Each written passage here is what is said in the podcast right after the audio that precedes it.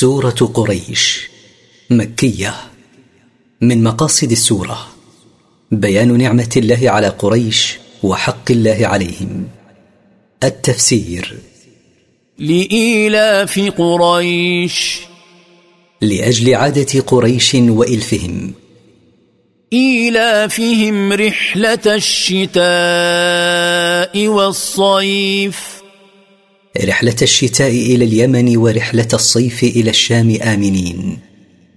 فليعبدوا رب هذا البيت.